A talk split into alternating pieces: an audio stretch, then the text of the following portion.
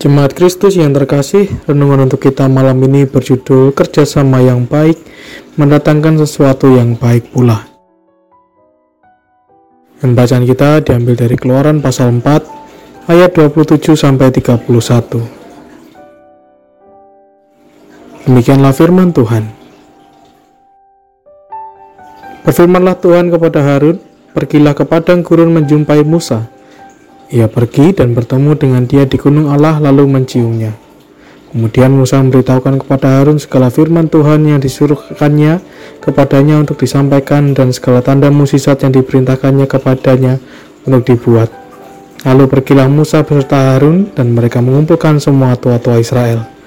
Harun mengucapkan segala firman yang telah diucapkan Tuhan kepada Musa, serta membuat di depan bangsa itu tanda-tanda musisat itu.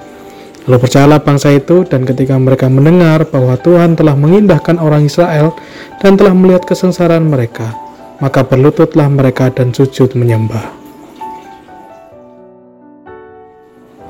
Salah satu yang diharapkan muncul dalam sebuah persekutuan adalah kerjasama yang baik antar pribadi dan menjadikan itu semua hal yang dapat dirayakan bersama. Kesatuan dapat dinyatakan melalui kesatuan hati dan kesediaan saling mendukung satu dengan yang lain. Tapi kalau boleh jujur, gereja justru sering menjadi tempat orang berkonflik karena mementingkan pemuasan ego sendiri dan ingin terlihat lebih benar dan suci daripada orang lain. Justru dampaknya adalah kita sama sekali tidak menyatakan kemuliaan Allah. Seringnya membuat citra Allah justru rusak di tengah masyarakat yang belum mengenalnya.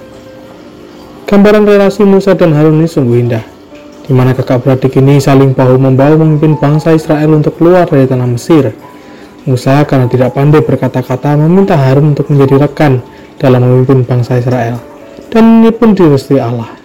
Dalam bacaan kita saat ini, hal itu tergambar dengan jelas ketika Musa mendelegasikan tugas untuk menyatakan firman Allah dan mengadakan musisat kepada Harun di hadapan bangsa Israel. Hasilnya bisa kita lihat, bangsa Israel memuji dan memuliakan Tuhan karena mereka melihat kebenaran Tuhan dalam Musa dan Harun. Jadi, hal kedua yang harus kita lakukan untuk hidup dalam kesatuan adalah tetap prioritaskan Tuhan, biar Tuhan semakin dikenal oleh apa yang kita kerjakan. Jangan pernah berusaha mencuri kemuliaan yang seharusnya ditujukan kepada Tuhan.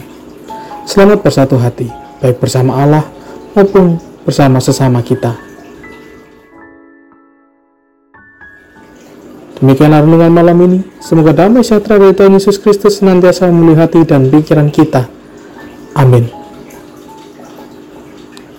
Jemaat yang terkasih, mari bersatu hati menaikkan pokok-pokok doa yang ada dalam gerakan doa 21 GKI Sarahinda. Mari berdoa.